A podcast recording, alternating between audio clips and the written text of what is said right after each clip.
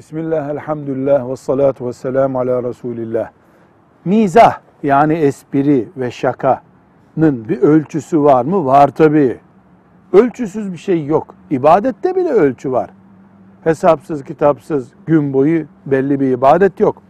Bir kere yalansız mizah caizdir. Mizahı iş edinmek hoş görülmemiştir. Ara sıra söz arasında mizah yapılabilir.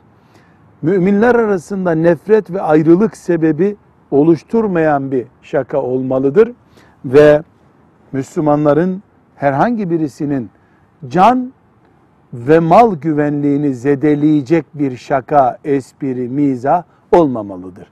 Bu sınırlara dikkat edildiği zaman Müslüman da mizah yapabilir, şaka yapabilir, espri yapabilir ama asla yalanlı, kökleşecek yalanlı bir espri yapamaz.